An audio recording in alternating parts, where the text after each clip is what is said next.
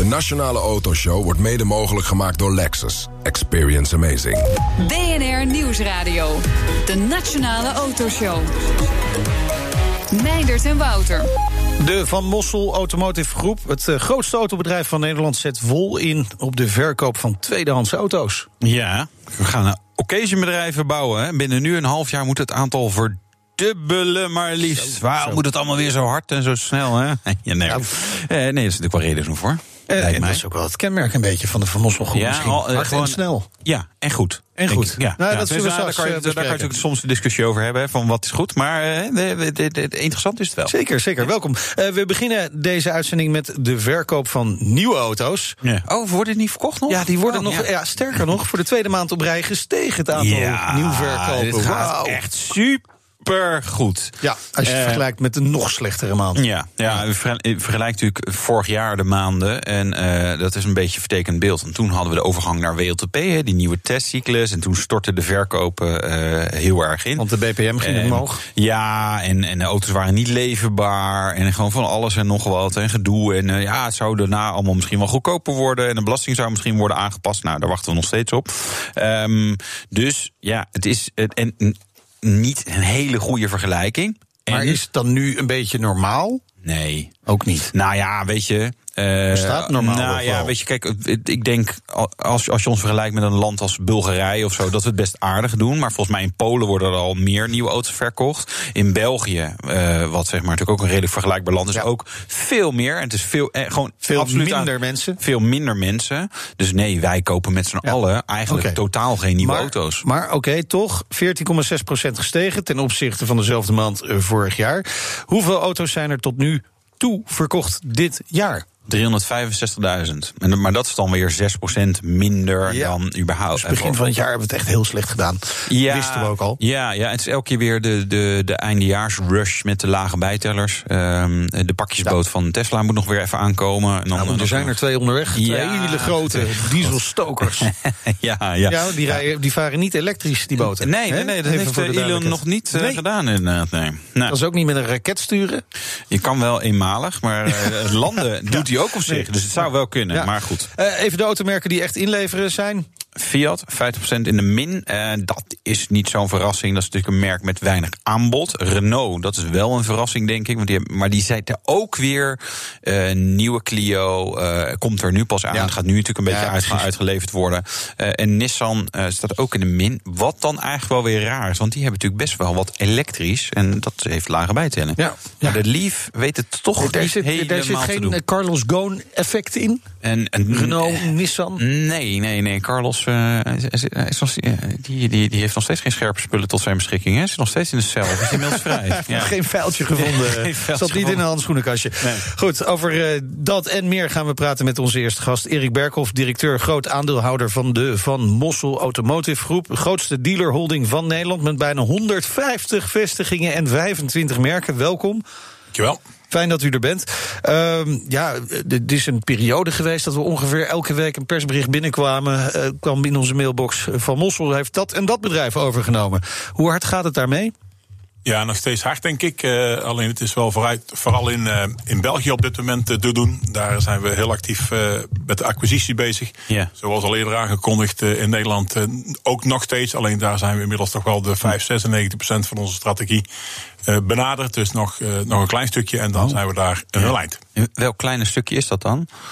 Ja, we zijn nog met één merk nog een stukje uitbreiding. Eh, zoals vorige week ook aangekondigd, eh, zijn we aan het onderzoeken of we ook in de trucks verder willen. Eh, Ja. Dat ziet er echt allemaal redelijk goed uit. Dus eh trucks willen we nog heel graag aan toevoegen. En bij een paar merken nog een klein stukje uitbreiding. En dan zijn we denk ik. Welke, nou, waar we merken, zijn welke merken zijn dat? Ja, dat is altijd lastig om dat eh, te verkondigen. Want daar worden vaak Is- is lastig, maar- Ja, con- conclusies aangetrokken. Dus als jullie het Ja. erg vinden, dan wil ik er heel even bij Ja, houden. ja. Nou, dat is toch handig voor als er nog een dealerbedrijf is die denkt... nou ja, zo, dit is wel het mo- het moment om eh, iets in de aanbieding te doen. Maar ik, ik begrijp de, maar de wens om het een beetje te. We kunnen wel ve- veilig Ja. stellen dat het merken zijn die al in het portfolio zitten, natuurlijk, van de Van Mossel Ja, Groep. uiteraard. Oké. Totale verkoop van nieuwe auto's daalt in ons land. Hè, dat, we hebben net de cijfers benoemd. Eh, he- heeft de Van Mossel Groep daar ook nog last van? Nee, eh, wij denken dat we door de overname die we gedaan hebben, telkens ook de goede sanering voor de gebieden gedaan hebben. die wij overnemen. Hè. Dus Ja. ergens, als we tien vestigingen overnemen, dan worden er vaak al twee, drie tot vier direct gesloten. Waardoor je per vestiging een, een groter volume gaat krijgen. En daarmee eh, krijgen we een, een kleiner stukje, eh, een groter stukje van de kleine koek. En dat, eh, ja, dat proberen we erin te houden. Ja, dat, dat is de juiste strategie om, om rendement te kunnen blijven houden. Ja, je moet de schaalgrootte daar, daar ontkom je gewoon niet meer aan. Tenzij je gewoon echt een heel goed familiebedrijf bent. Met, met de platteland worden de papa-mama bedrijven. Die, Ja. die kunnen ook zeker nog gewoon heel goed bestaan hebben. Ja. Al wat er tussenin zit is gewoon echt heel lastig. Ja, die mensen moeten allemaal bellen.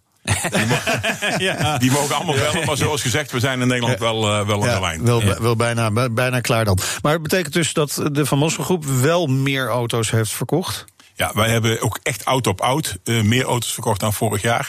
Eh, dat is, ligt op dit moment op eh, 8% voor de eerste 10 maanden. Zo. Dat is best fors. Ja. En, en waardoor komt dat? Ja, wij denken dat het door de combinatie is eh, van het totale ontzorgen voor zowel de particulier als de totale zakelijke markt. Dus niet alleen het product leveren, maar ook het financieringsproduct leveren, de leaseproducten leveren. In combinatie met onze schadebedrijven. Ja. De totale ontzorging die toch wel steeds meer bij grootbedrijven eh, erg, eh, erg geapprecieerd wordt. Ja, maar, to- maar toch, als we die merken net noemen, hè, Wouter noemde ze op, Fiat, Renault, Nissan, Fiat 50% in de min in ons land. die zit volgens mij ook bij jullie in het portfolio, Ja, Fiat. Klopt. Eh, Merken jullie het op merkniveau wel? Ja, wij merken op merkniveau wel. Maar ik moet ook zeggen dat we bij Fiat, omdat we daar vooral in het derde kwartaal behoorlijk wat acties gedaan hebben. Hè, want Nederland is ook wel een land, moeten we ook eerlijk zijn, die wel van acties houdt.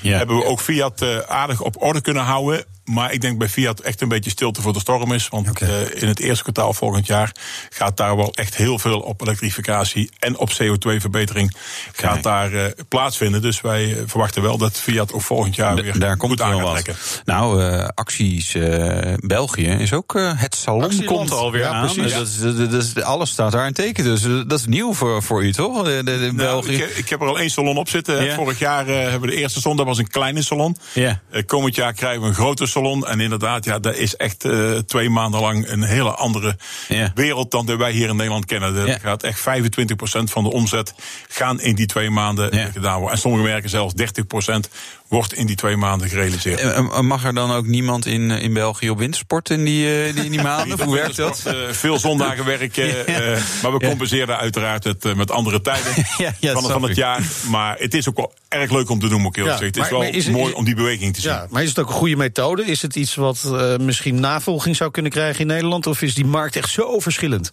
Ja, die markt is toch wel echt heel erg verschillend in, in België. Want eh, als je hier ziet hoe schaalgrootte dat we nodig gehad hebben om, ons, eh, om onze rendementen van de dealerorganisatie enigszins te beschermen, eh, zijn we toch in België nog steeds gezegend met heel veel dealers, heel veel agenten, dus heel veel verkooppunten. Ja. Ehm, en de, ik denk dat ook wel een van de redenen is dat ze in ieder geval een groot deel meer auto's verkopen. Dus niet alleen de fiscaliteit in Nederland, Ja. die belemmert het. Ik denk ook de beperkte aanbieders. Is fiscaliteit de belangrijkste reden waarom het aantal verkochte auto's in Nederland omlaag gaat? Ja, ik, ik denk het wel. Ik denk dat Nederland daar toch ontzettend veel last van heeft. En niet alleen in de aantallen auto's, maar ook in de gemiddelde prijs van de auto's. Je ziet ook gewoon dat er in België veel meer duurdere auto's eh, verkocht worden. Als je het verschil kijkt van de premiummerken ten opzichte van Nederland, dan is dat soms meer dan verdubbeld Ja. in, eh, in België. Ja. Eh, Maar op zich kan je daarvan zeggen, ja, dat is een soort luxe dat mensen de dure, dikke auto's kunnen, kunnen kopen. Of, of, of zie je dat niet eh, zo?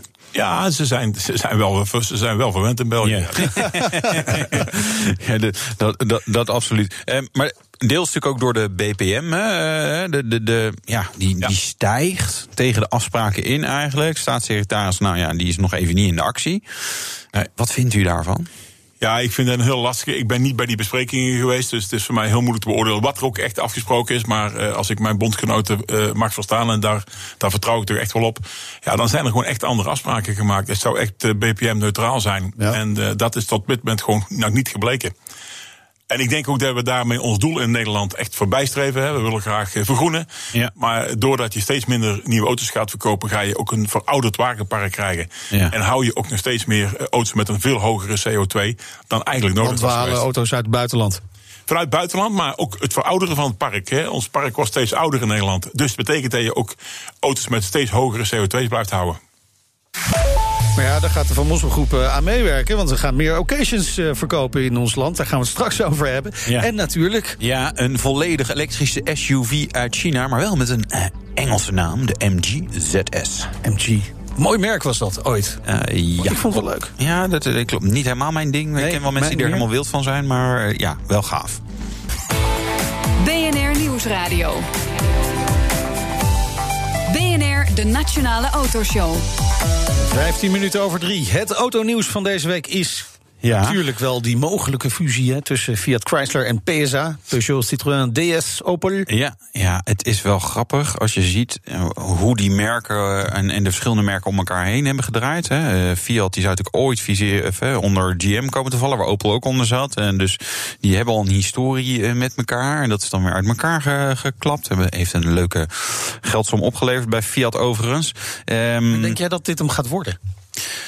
Buiten, buiten het feit dat Fiat Chrysler misschien wel echt moet. PSA ja, misschien wat minder. Nou, ook wel. Um, Fiat Chrysler is, is, is, natuurlijk wat, wat lastig met kleine auto's. Hè, met, met daar goede dingen ontwikkelen. Dus dan kan je wat schaalgrootte gebruiken. Um, PSA. Door, Fiat Chrysler heeft een deal met Tesla voor ja. uh, zeg maar, kopen van CO2-rechten, even grof gezegd. Zo heet wat niet, van maar... volgend jaar keihard nodig is. Ja, um, het zou kunnen betekenen dat PSA wat minder gas hoeft te geven op de volledig elektrische auto's, waar ze misschien helemaal nog niet zoveel geld aan verdienen. Nee. Dus dat zou ze best wel de, hen ook wel kunnen helpen. Okay. Dus, maar goed, ik was er niet bij in de boardroom deze nee, keer, dus ik weet niet precies wat uh, de argumenten ja, waren. Volgende keer hopelijk weer wel. Ja, uh, te gast wel. is, ja, meestal krijg je gewoon een uitnodiging. Erik Berghoff, directeur groot aandeelhouder van de Van Mossel Automotive Groep, de grootste dealerholding van Nederland met 150 vestigingen, 25 merken. Ja, die, die uh, Fiat Chrysler PSA-deal, dat is eigenlijk in het grote Van Mossel Groep, zouden we kunnen zeggen. Plus ja, nog wat. Heel erg in het groot, denk ik. Daar zijn wij een speldenknopje bij. Ja, maar wij, zijn, maar, wij vertegenwoordigen wel de merken. Precies, dat bedoel ik. Zowel de FCA-merken als de PSA-merken. En wij zijn wel heel erg verheugd dat die, dat die fusie eraan komt. Ja? Want? Ja, ik denk dat het vooral, en dat geldt niet alleen voor deze merken, voor alle merken, moeten zich gewoon heel sterk maken. Het is natuurlijk heel kostbaar aan investeringen voor elektrificatie, zelfrijdende auto's. Alles wat met onze ontwikkelingen te maken heeft. En dan denk ik dat die fusie daar uh, geweldig bij past. Ik was er heel erg blij mee. Oké, maar wat, wat betekent het voor die fabrikanten, begrijp ik? Uh, schaalgrootte, kosten kunnen omlaag, maar wat betekent het voor Van Mosselgroep? Nou, voor ons ook. Dat betekent dat er toch kracht is om uh, continu, continu nieuwe modellen te kunnen blijven ja, ja. produceren. Te blijven investeren in de ontwikkeling voor de nieuwe modellen. En die, die hebben wij weer nodig om onze klant goed te kunnen bedienen. Ja, maar aan de andere kant, de importeurs worden misschien ook gebundeld. En die komen dan in een onderhandeling van, nou, uh, meneer Berkhoff, we willen toch eens even over wat andere tarieven praten. Dus zij worden sterker. Of, ja, dat klopt wel, maar dat geldt voor onze kant natuurlijk ook. Hè. Ja. Wij verkopen nu samen van deze producten meer dan 40.000 nieuwe auto's per jaar. Ja, dus wij zijn ook voor hun dan ook een, hele, een hele belangrijke ja, partner. Ja. En kunnen wij onze, ja. onze inkoop ook weer mee verbeteren, ja. waardoor we onze klanten weer beter kunnen bedienen. En, en die inkoop, uh, daarmee richt u zich steeds meer op occasions? Dat is een, een, een, tweede, een tweede belangrijke poot voor ons. Naast de nieuwe auto's uh, gaan we steeds meer occasions verkopen. Dat deden we overigens al via onze dealerbedrijven. En ja. uh, we gaan nu ook opschalen op ons occasioncentrum concept van Mossel ja, Mega Occasioncentrum. Je hebben er vier nu en dat gaat naar? Dat gaat naar acht en misschien zelfs naar tien. Omdat we ook in die acht nog twee specialismen hebben. We hebben een, een specialistisch mega occasioncentrum voor SUV's in Oosterwijk. En hier in Amsterdam voor, voor Mossel exclusieve occasions. Oké, okay. ja, er wordt een heel duidelijk uh, verschil tussen die twee. Uh, ja, dus we hebben acht uh, occasioncentra zometeen, waarvan zes gewoon universeel voor alle merken, voor alle type auto's. En we hebben er twee, één voor exclusieve auto's, één voor SUV's, echt gespecialiseerd ja. in dat type auto. Gaat dat niet elkaar allemaal een beetje bijten? Want dan denk ik, nou, ik kan een Opel, een tweedehands Opel SUV kopen. Die, die kan in het SUV-center staan, in een ander mega occasion center of bij uh, een gezellige Opel-dealer. Die ook bij jullie in, uh, in de stal zit. Ja, dat zou kunnen, maar we proberen wel echt die specialismen ook dan bij elkaar te brengen. Ja. Dus als onze klant bij dat SUV-center of bij ons exclusive centrum komen, dan vinden ze wel bijna al onze producten die wij ja. in dat segment hebben. Ja, want hebben jullie genoeg volume? Dat is misschien ook wel de vraag die erachter zit. Van, van ja, kan je overal zo'n zo Opel SUV dan neerzetten bijvoorbeeld? Ja, nee, we hebben natuurlijk door de instroom die wij hebben in occasions, zowel uit inruil op nieuwe auto's, inruil op gebruikte auto's, maar ook terugkomen uit onze eigen leaseportefeuille. Daar krijgen we elk jaar 20.000 uh, auto's uit terug, waarvan zeker 5.000, 6.000 auto's ons criteria kan doorstaan om in ons occasioncentrum verkocht te kunnen worden. Ja, die kleine diesels die kunnen wel ergens anders heen, zou ik bijna zeggen. Of valt er mee? Ja, maar daar is toch inmiddels weer heel veel vraag naar. Oké, ja, die begint te stijgen weer. Hè? Ja, enorm. Eh, maar u verkoopt nu nog eh, circa 25.000 occasions. Ja. Waar moet dat naartoe? Wij, eh, wij hopen dat op te kunnen schalen naar eh, in nu en twee jaar naar 31, 32.000 occasions. Oké. Dat is nog een bescheiden groei voor de Van als je van, Mossel. van eh, vier centers naar acht gaat. Ja. Ja. maar je moet niet vergeten, in onze 90 showrooms, daar verkopen wij ook occasions. Dus het is niet vier occasion centra, dus er zijn er 94. Ja. Waarvan natuurlijk vier echt gespecialiseerd zijn in occasions. En die gaan we opschalen naar acht. Dus dan is, dan is 6000 auto's meer al echt een heel groot aantal. Ja, hoeveel eh, van die MG's gaat u verkopen? Eh, we hopen in ieder geval dit jaar 2000 te kunnen doen. Zo, dat, Ja. is, eh, Tja. dat is fors. Die gaan ons land ook eh, eh, eh, binnenkomen. Hè. Er Ja. zijn er al een hele grote vloot. Is gisteren gearriveerd. Dus wij staan klaar om ze uit te kunnen leveren. Want inmiddels zijn er ook al heel veel van verkocht. Ja, Even voor de duidelijkheid, de MG, hè, dat is niet wat we van vroeger kenden, de MG. Het is een Chinees merk eh, dat de naam MG heeft gekocht. En gaat nu met elektrische SUV's de Europese markt veroveren. Ja, inderdaad. Het is, een, eh, het is wel een, eh, een, een Chinese fabrikant, maar die destijds, eh, wanneer MG failliet is gegaan, helaas, eh, 15 jaar geleden de merkrechten gekocht heeft.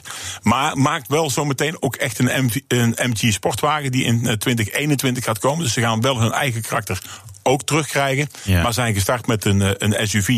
In het formaat zoals we die nu kennen. En er gaat ook nog een grotere SUV komen in 2020. Dus we krijgen drie modellen in drie jaar. Nou, dus dat gaat redelijk rap. Maar ik, wat voor soort auto is het? Een- SUV, maar dat kan natuurlijk van, van heel klein tot, tot, tot iets groter zijn. Nee, het is echt een, eh, een middenklasse SUV. Ja, en hij is, hij is 30.000 euro, maar grofweg, hè? 29.990 euro voor Ah, een alle mooi. hele Psychologisch geprijsd, ja. ja. complete auto. En Plus voor, twee, afleverkosten, dan zitten we weer boven de 30. en voor 2000 euro meer, dus met afleveringskosten bij zeg maar 33.000 Ja. euro, heb je echt een complete auto met alle opties Ja. die je maar kunt bedenken erin. Of nou Ja. lederbekleding is, of panoramadak is, of alles wat Zit er allemaal er op.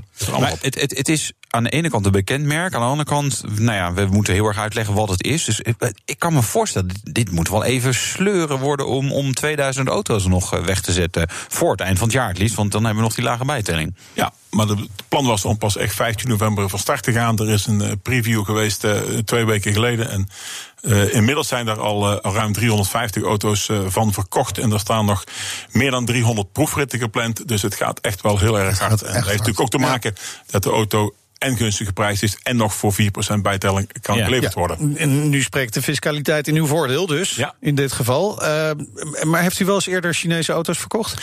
Ik heb al eens eerder eh, Chinese auto's En verkocht. hoe succesvol was dat? Eh, daar waren er twee en daar hebben we het ook destijds bij gehouden. Maar dit, ja, nogmaals, dit is niet te vergelijken met die Chinese auto. Het is, eh, het is een hele grote fabriek waar het in gemaakt wordt. Uh, SAIC is zeg maar vergelijkbaar met Volkswagen in, in Duitsland. Is dit voor, voor Azië de grootste fabriek. En ja, die mensen staan wel echt voor kwaliteit. Ja.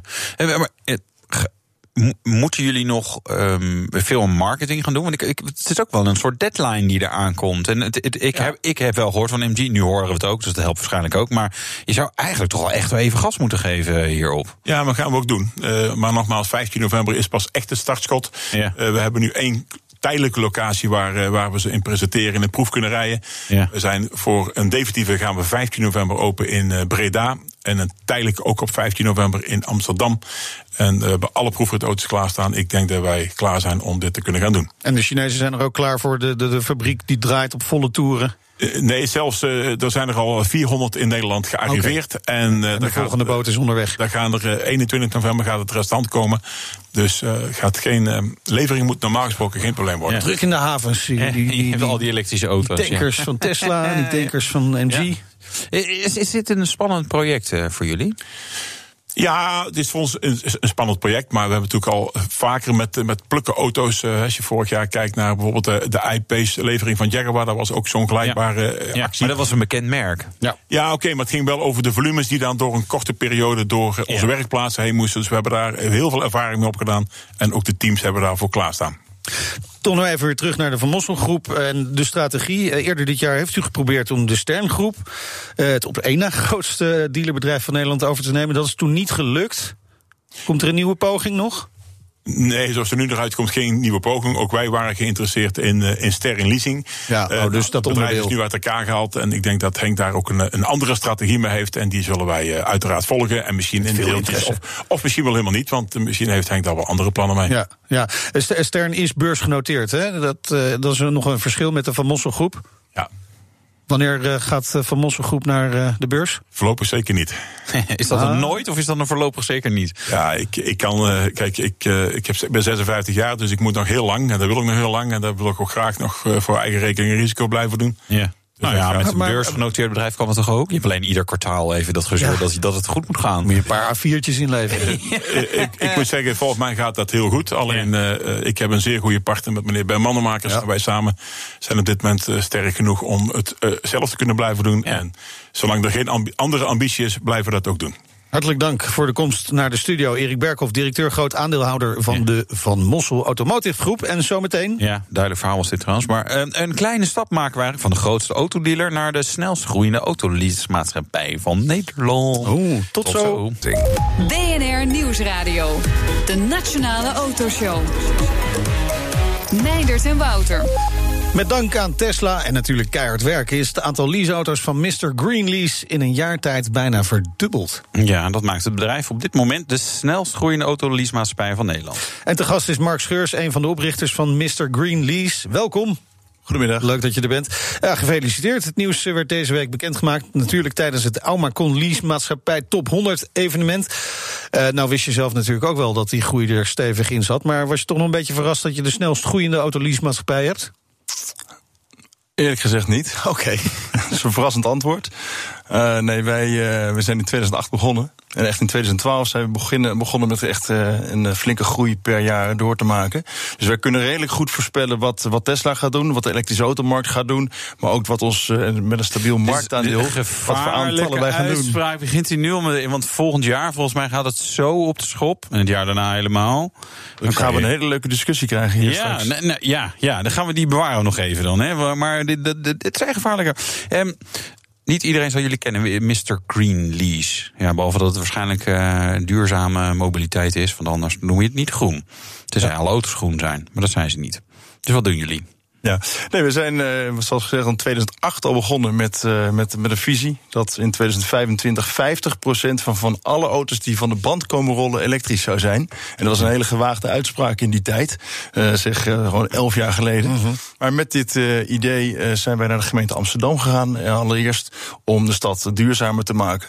En die hebben ons als eerste ja, geholpen met, met een opdracht om de palen te plaatsen in het centrum van Amsterdam. En zodoende zijn we pas in 2011 palenboer, palenboer begonnen. Exact, ja. En wanneer zijn die auto's er dan echt bijgekomen? Nou, we waren twee economen en we wilden altijd een leasemaatschappij voor 100% elektrische auto's beginnen in 2008, 2009. Alleen er waren nog maar heel weinig elektrische nog. auto's. Ja. Uh, dus echt pas in 2011 toen Nissan Leaf kwam en toen Tesla kwam, eigenlijk heeft dat een uh, grote vlucht genomen. Ja. Want het is vooral Tesla wat jullie doen, hè? Ja, ja wij, uh, wij hebben geen rugzakje met uh, diesel- en benzineauto's. Dus wij we zijn echt helemaal gespecialiseerd in elektrische auto's. Ja, maar er zijn meer elektrische auto's. Hoor. Ik weet niet of je dat al door had Nee, er zijn maar, absoluut ja, ja. meer elektrische auto's. Alleen wij, wij kijken, we zijn twee, nou, zoals gezegd, twee bankiers. En wij kijken heel erg naar de restwaarde van auto's. Ja. En uh, een, een nieuw product zoals elektrische auto's, ja, dan moet je van bottom-up moet je die opbouwen. Dus een verbouwde benzineauto naar elektrisch, ja. ja. dat is niet altijd heel efficiënt. En dat heeft natuurlijk ook wel impact op je restwaarde. Dus ja. waren afgelopen jaren kwamen er auto's op de markt die niet voldeden aan eigenlijk uh, waar wij, wij noemden dat de schaal van Mr. Green destijds. Hè. Je moet een bepaalde uh, uh, variabele hebben waar je aan moet voldoen om echt goed, een goede elektrische auto neer te zetten. Ja, maar Nissan Leaf is gewoon een volledig elektrische auto al in de tweede generatie. Dat hebben we ook, hebben we ook gedaan. Moeten ze bij Tesla nog uh, mee aan toe komen, hè? Ja. Een tweede generatie ja, van precies, ja. Uh, de Jaguar I-Pace ook volledig elektrisch. En zo zijn, er, zo zijn er nog wel, wel meer. En er komen er meer. Ja. Maar jullie hebben echt, het is volgens mij meer dan 90% Tesla volgens mij, toch? Ja, ja het zit rond de 90% inderdaad. Ja. Uh, dat is een behoorlijk aantal. Maar wat er natuurlijk heel belangrijk is van een elektrische auto... is dat je thuis ook snel kan laden. Kijk, het nadeel van die I-Pace destijds was natuurlijk wel één fase laden. Kijk, en één fase laden, dat is wereldwijd super, uh, dus dat is de standaard. Hè? Ja. Maar in Nederland hebben wij een drie-fase netwerk. Ja, maak daar dan ook gebruik van als autofabrikant. Ja. Ja, dat- maar, maar daarmee zie je natuurlijk ook wel een beetje op het ene paard, namelijk Tesla. Absoluut. Dus we Ja? gaan ook zeker. eh, we zijn, wij doen eigenlijk altijd alle auto's. Ja. Ehm, volgend jaar komen er veel meer merken. En eigenlijk hadden wij dit jaar al een heel gediversifieerd pa- park willen hebben. Ja. Alleen heel veel merken hebben de komst van hun elektrische auto uitgesteld. Ja. Volgens voor een andere reden dan dat ze hebben. Want ze hebben ze op de plank liggen. Maar om de een of andere reden komen ze allemaal pas in 2020. Maar in 2020 heb je dus een veel meer groter aanbod aan dat, elektrische dat is auto's. een heel, heel makkelijke reden waarom ze op de plank houden, als ze dat inderdaad doen, is omdat de regels veranderen. En ze, als ze niet elektrisch hebben straks, of iets anders wat heel zuinig is, dan gaan ze boetes krijgen vanuit Europa. Exact, exact. Ja, dat is de reden. Dus daarom willen ze pas volgend jaar ze verkopen. Maar we hadden net eh Erik Berghoff te gast van de Van Mossel Groep. En die gaat gewoon vanaf 15 november eh, MG's wegzetten, elektrische MG's. Die, die heb ik bij jullie nog niet gezien. Nee, Gaan ze wel komen? Ja, nee, we, hebben wel, we zijn in gesprek eh, met ze. Dus eh, het is absoluut. eh, wij, wij gaan de auto bestuderen. We gaan kijken wie de doelgroep is. Ja. En wat de reden is van de doelgroep. Kijk, als het alleen fiscaal gedreven is, dan moet je ook rekening houden met. Oké, wat doet dat voor de restwaarde aan het eind van de, van de termijn? Dus maar, Maar, goed. sorry, de, de- al die Tesla-rijders doen, rijden de auto om een andere reden dan? Goeie, mooie, goede, goede vraag. Ja, goede vraag. Nou, kijk, Ja, ik ben- eh, maar daar heb je. Eigenlijk meteen al eh, eh, de perfecte vraag. En ik zou proberen het perfecte antwoord te geven. Die auto is intrinsiek fantastisch, die Model 3. Ja? Die kan thuis kan die laden in vier uur tijd. Ja. Eh, die heeft een perfect netwerk waar je door heel Europa eh, kan rijden. Eh, ik heb laatst iemand gesproken dat in twee dagen was hij naar Madrid gereden. Ja. Ik, ik doe het hem uit plezier niet na, maar goed, dat, eh, dat kan dus. En, en dat zijn wel over vijf jaar, als je die auto terugkijkt uit, uit de lease, dan moet je nog wel een van de sterkste in de markt zijn. Dus je moet Ja. bij elektrische Ja. auto's moet je echt gewoon Ik, ik heb die altijd een lat paar van Tesla flauwe pakken. dingen om dan tegen Model 3 dingen te zeggen. Van, eh, als je je stoelverwarming achter wil aanzetten, moet je het aan de voorpassagier vragen. Want dat kan gewoon niet met een knop achter. Qua afwerking, qua kwaliteit. Is wel, ik, ik, weet je, ik, ik, ik ben dol op Tesla in die zin dat ik van de dingen die jij noemt, denk ja, helemaal waar. Maar er is ook een hele grote andere kant dat ik denk, nou, Ja. eh, als ik erin stap, ik word er altijd. Ik, ergens huil ik een beetje met, met hoe liefdeloos sommige dingen zijn gedaan. En andere dingen zijn weer met heel veel liefde gedaan. Dus dat is, ja, het is een, eh, een gemengd beeld. Ja, Toch? Nee, dat, daar, daar ben ik het eh, met je eens. Je moet wel zeggen dat de auto's die nu, de Tesla Model 3 nu, nu van de band is komen... en de nieuwe S'en, die zijn aanzienlijk beter ook Ja. weer in afwerking. Ja. Dus ja, dat groeit er wel in. Maar vergeet jammer, niet, die S'en. Die, die die kopen Maar, niet. maar hoe, hoe, dan, hoe dan ook zit er natuurlijk een enorme fiscale eh, kant aan. Hè? Want anders, anders was het nu niet zo bizar druk geweest. Eh, heel veel mensen willen natuurlijk die auto voor 1 januari hebben. Omdat dan de bijtelling op elektrische auto's ver- verandert. Die impact die zal bij jullie ook enorm groot zijn. Ja, absoluut. We hebben er wel rekening mee gehouden, zoals gezegd, dit jaar. Eh, om eh, natuurlijk, eh, we, hebben ons, we zijn onwijs gegroeid. Ook in personeel zijn we gegroeid. Ehm, volgend jaar eh, zou je zeggen, we krijgen een verdubbeling van de bijtelling. De wees snel gaan nu naar de dieren. En ik zou dat ook commercieel zou ik gezien, zou ik dat volledig onderstrepen. Ja. Dat het verdubbeling is. Maar laat wel wezen, van vorig jaar 8% is ten opzichte van 22% nog steeds, snel even rekenen, 14% verschil. Ja, Dus, maar, maar eh, de auto is, zijn, auto's zijn over het algemeen ook twee keer zo duur. Dus ja, Ja. het, is, het is een. Het verschil is kleiner eh, dan, dan, dan, dan je als zeg maar, elektrische auto fanaat zou hopen, lijkt Ja. mij. Nee, maar absoluut. Maar je kijkt wel naar, het, eh, naar het, eh, de, mensen die nu in de Tesla stappen. Ja. 95% wil eigenlijk niet meer anders. Die zijn echt Tesla-lover geworden. Een Ja. ander merk wat net Ah, daaronder zit is Porsche. ja. Dus mensen, als je eenmaal in een Tesla zit, wil je er eigenlijk niet meer uit. Ja, dat, ik, dat is wel grappig. Want ik ken ook best wel een aantal mensen die hem hebben, weer hebben ingeleverd. Dus de, maar goed, het zal die 5%. Ik ken die Nou, 5% dan. ik- Wat ik- leuk. Ben ik toch nog ergens uniek in? Nee, ja, weet je. Ik, weet wel ook wel de reden hoor, wat dat, eh, wat dat is. En? Service. Kijk, Ja. Tesla eh, die heeft Ja. natuurlijk wel een, een pro- probleem. Ze Ja. zijn ontzettend hard gegroeid. Waardoor de service op sommige vlakken best wel achterblijft. Daar moet Tesla echt aan gaan werken. Want je hebt natuurlijk mensen, die, jouw vrienden dus, die zeggen: joh, ik, ben, ik moet drie maanden wachten op een onderdeel. Ja, Ja. dat is waar Tesla echt aan moet gaan werken komend jaar. Maar hoe gaan Absoluut. jullie daar dan mee om? Want jullie krijgen al die mensen natuurlijk ook aan de telefoon. Leuk. Of niet? Ja. Neem je dan gewoon niet op? Oh, is hij weer. Zwijnders met zijn met, met, met zijn bumper of zijn Tesla. Nee, die, Nee, wij eh, hebben een afdeling Customer Succes ge- opgericht. Ehm, Wij werden natuurlijk gebeld en wij zijn een relatief kleine organisatie Ja. met, eh, met 20, 21 medewerkers. Eh, maar eh, als klanten bellen, dan willen ze natuurlijk met finance praten, operatie praten of met sales praten. Ehm, Maar goed, dat is hun vak niet. Eh, en eh, dus op een gegeven moment werden wij overspoeld, ook wel door, door vragen van klanten. Elektrisch rijden is nieuw, dus je hebt heel veel vragen te beantwoorden. Opladen, hoe zit het dan precies? Ik wil door Europa rijden. Ehm, toen hebben we op een gegeven moment hebben we een customer succes afdeling opgericht. Die eigenlijk al deze vragen afvangt voor de afdelingen. En dat is eigenlijk fantastisch. We- Zo kunnen we heel snel inspelen op dingen bij Tesla die, die wat minder voor elkaar zijn. Dus we kunnen de klant eigenlijk perfect eh Maar kun je daar een voorbeeld van geven? Want onderdelen die er niet zijn, ja, die zijn er nou eenmaal niet. Die ga jij ook niet oplossen, toch? Ik heb ze wel opgelost. Hoe dan? Noem eens een voorbeeld. Een voorbeeld was eh, nou, grappig dat ik zeg, ik heb ze wel opgelost. Nee, dat was, eh, vorig kwartaal was zo'n probleem. Het is eh, echt het, te stom voor woorden. Maar er was een, de reden op één dag reden 600 Tesla's uit. Maar de laadkabels waren op. Ja. Ja, Dat is lastig, ja. Dat is heel vervelend hoor. Want de auto's komen van de boot af en er Ja. zit een paar honderd kilometer in de, in, de, in, de, in de batterij. Maar als je geen laadkabel hebt, dan heb je wel een probleem. Of call volgend weekend. Als die, dus wat, wij zijn een kleine organisatie. Wij zijn naar Duitsland gereden. We hebben daar de Mennekes fabriek. Eh, zijn we alle schappen hebben leeggehaald. En hetzelfde dag hadden wij nog wel als enige leasemaatschappij kabels op voorraad. Ja, dat vond ik een hele normale Ja. gang van zaken. Ja. Maar we hebben twee weken voorsprong gehad op de concurrentie. Ja, nou, dat is wel, dat is wel, Ja, dat is wel mooi. een, Kijk, een mooie actie. stukje ondernemerschap. Ja. Maar wat denk je, want die service, dat is wel een, wel een issue bij Tesla, erken jij ook. Eh, ga- gaat dat een keer veranderen? Wanneer gaat dat veranderen? Ja, ik, eh, twee- gisteren stond ik bij de Supercharger bij Breukelen. En daar stonden twee eh serviceauto's van Tesla. Eh, die eh verrasten eigenlijk de mensen die kwamen superchargen. Eh, als je bij Tesla een afspraak wil, dan pak je je app. Dan maak je daar je afspraak in.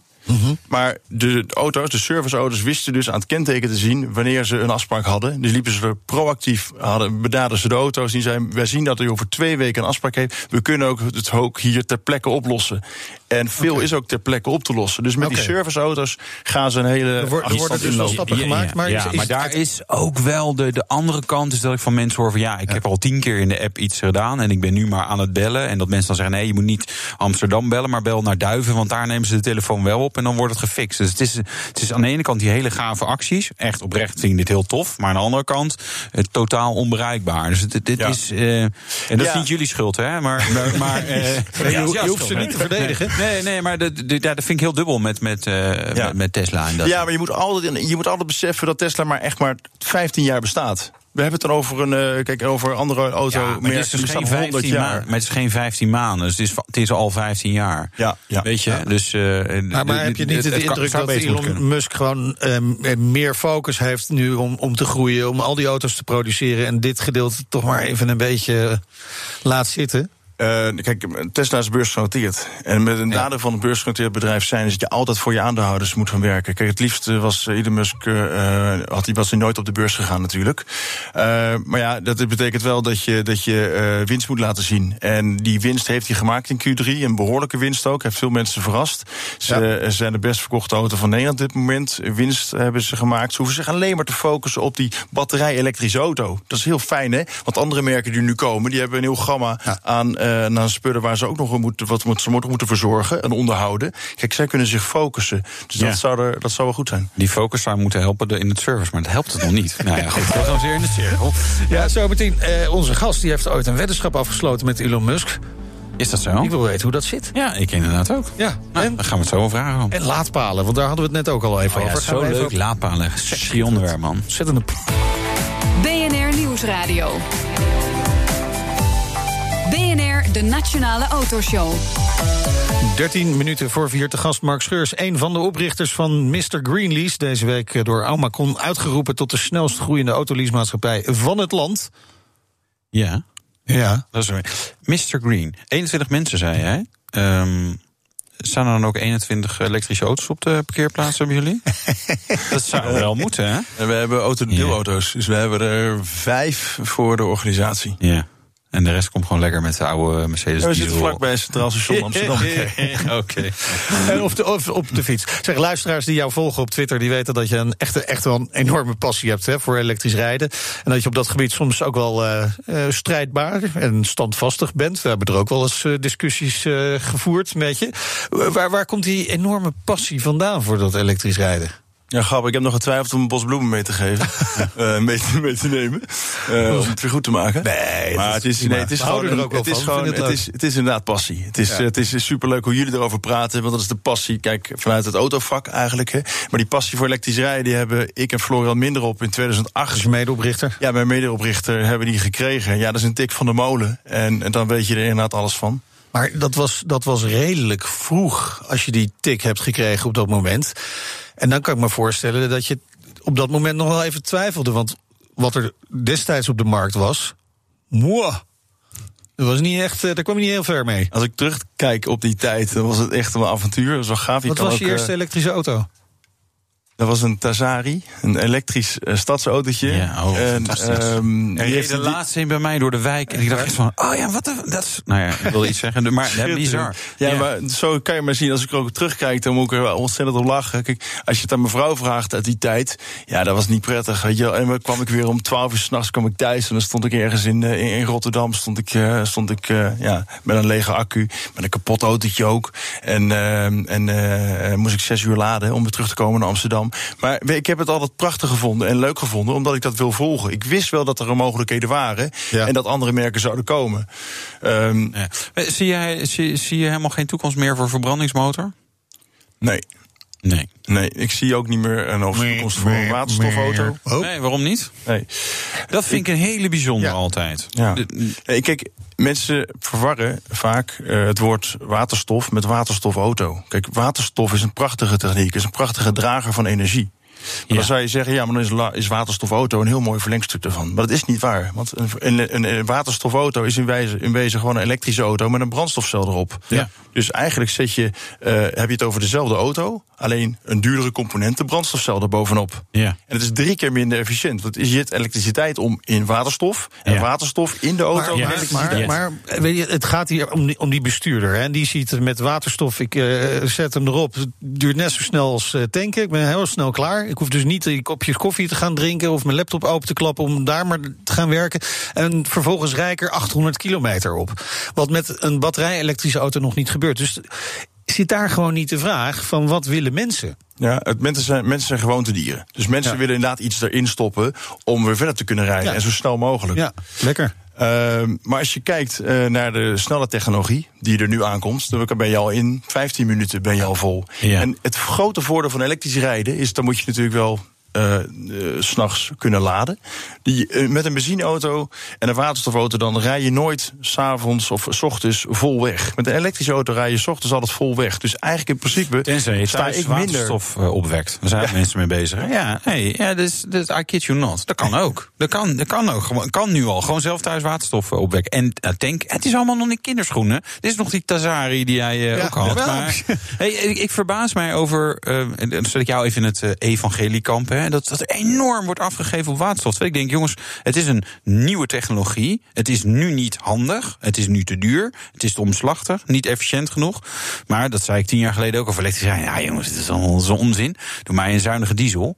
Dus ik, ik snap het aversie tegen, ja, er komt iets nieuws. Als het, als het goed wordt, dan, gaat het, uh, dan wint het. En als het niet goed wordt, nou, dan, blijft het, uh, dan wordt het elektrisch. Dat is toch geen dat is toch geen probleem? Nee, ik begrijp, ik begrijp je ook helemaal. En uh, ik moet ook zeggen, waterstofauto's, ik sluit niet uit dat wij in de toekomst waterstofauto's zouden doen. Maar ook nee. biobrandstofauto's zouden we allemaal doen. Alleen het, de, wat, wat er wel even meespeelt, is dat uh, waters, de waterstofauto is de belofte van 40 jaar geleden van 30 jaar geleden, van 20 jaar geleden. En het is altijd de belofte. Ja. Maar het zou ook altijd de belofte blijven van de olieindustrie. Ja. Dus de waterstofauto wordt eigenlijk gekidnapt ja. door een negatieve club die het eigenlijk gebruikt om maar uit te stellen. En dat is eigenlijk. Nee, ja, nou, nou ja, kijk, wij. wij um, um, de CEO van Audi, kom, zijn naam, hoe heet hij nou? Bram Schot. Bram Schot. Ik zat met Mark in mijn hoofd, maar ja, jij het Mark. Nee, nee, die zegt ook, voor, voor Audi, voor joh, elektrisch is het nu En waterstof zou iets kunnen zijn. Dus ze zetten vol in op elektrisch, maar waterstof schrijven niet af. Dus dat, dan is dat toch geen issue. Ik, ik snap het um, vanuit het kamp van de oliemaatschappij. Ik zal geen namen noemen. Dat je, dat je als elektrische rijder een beetje denkt van... nou, hier heb ik even nog niet zo zin in. Want dit Ja. voelt als tegengas die we niet willen hebben. Ja. Maar ik, ja, weet je, innovatie is innovatie. Dus geef eh, eh, eh, de kans, zou ik toch bijna zeggen. Nou ja, daar komt de econoom bij mij naar boven. En dan denk ik, oké, hoe goedkoop is het dan, waterstof? Ja. Maar Ja. Een batterij-elektrische auto is drie keer efficiënter dan een waterstofauto. Dus als Ja. particulier over de vijf jaar zou ik dan in de showroom staan... en ik heb een batterij-elektrische auto en een waterstof-elektrische Ja. auto. Ja, dan kies ik toch voor de goedkopere variant. Ja. En als Ja, je dat dan is- met een maar dat is nu nog, hè? Ja. Dat is nu nog. Ja, maar elektrische auto's wordt ook steeds goedkoper. Ja, gaat niet heel hard op dit moment. Hoe, hoe dan ook is op dit moment de elektrische, batterij-elektrische auto een stuk verder dan de waterstof-elektrische auto. Eh, nou gaan we wel wat fiscale veranderingen eh, zien, natuurlijk. Hoe, hoe zie jij dat komend jaar? Want je, we, we hebben natuurlijk al, dus die 8, ja, je zei al, van, nou, 8% dat valt ook nog wel mee. Waar gaan we naartoe? Hoeveel elektrische auto's gaan er verkocht worden in Nederland? Ja, schattingen doen is natuurlijk heel link. Ja. Helemaal live op radio. een jaar later keihard op pakken? Ja, ja. Ja, dit, dit jaar eh, doen we ongeveer 40.000 ele- volledig elektrische auto's. Waarvan eh, Tesla ja, ongeveer eh 45% heeft. Ja, ja. Eh, volgend jaar gaat de bijtelling wordt verdubbeld. Ja. Dus vooral het, laatste kwartaal, nu die boten komen aan, er wordt chaos natuurlijk. Ja. Alleen volgend jaar verwacht ik ook nog steeds 70.000. Dus een groei van ongeveer eh 50 Ja. eh, dat er nog aankomt. Dus 70.000 stuks verwacht ik wel. Want 8% ja, dat is nog steeds natuurlijk eh, Ja. in absolute getallen laag. Ja, Ja. en dus wel allemaal in de lease. Hè, want eh, voor particulieren is de elektrische auto nog steeds niet heel erg interessant. Nou ja, daar, daar raak je wel een gevoelige snaar. Ik, ik vind het schandalig dat eh, de overheid eh, vijf jaar oude elektrische auto's gewoon naar het buitenland ziet gaan. Als je kijkt naar de cijfers van afgelopen maand, dan zie je dat, eh, dat alle PHEV's allemaal naar het buitenland gaan. En eh, je ziet het niet in de cijfers, want het blijft gelijk. Ja, klopt, ze blijven wel doorverkopen. Maar aan de negatieve kant zie je ook heel veel dat er vertrekken. Ja, en ze worden, dus, ze worden dus eerst gestimuleerd in het land. Ja. En dan eh, hebben ze eindelijk zijn ze, worden ze eigenlijk voor je buurman die particulier een elektrische auto wil Ja. hebben, worden ze bereikbaar. Maar net daarvoor worden ze weggekaapt.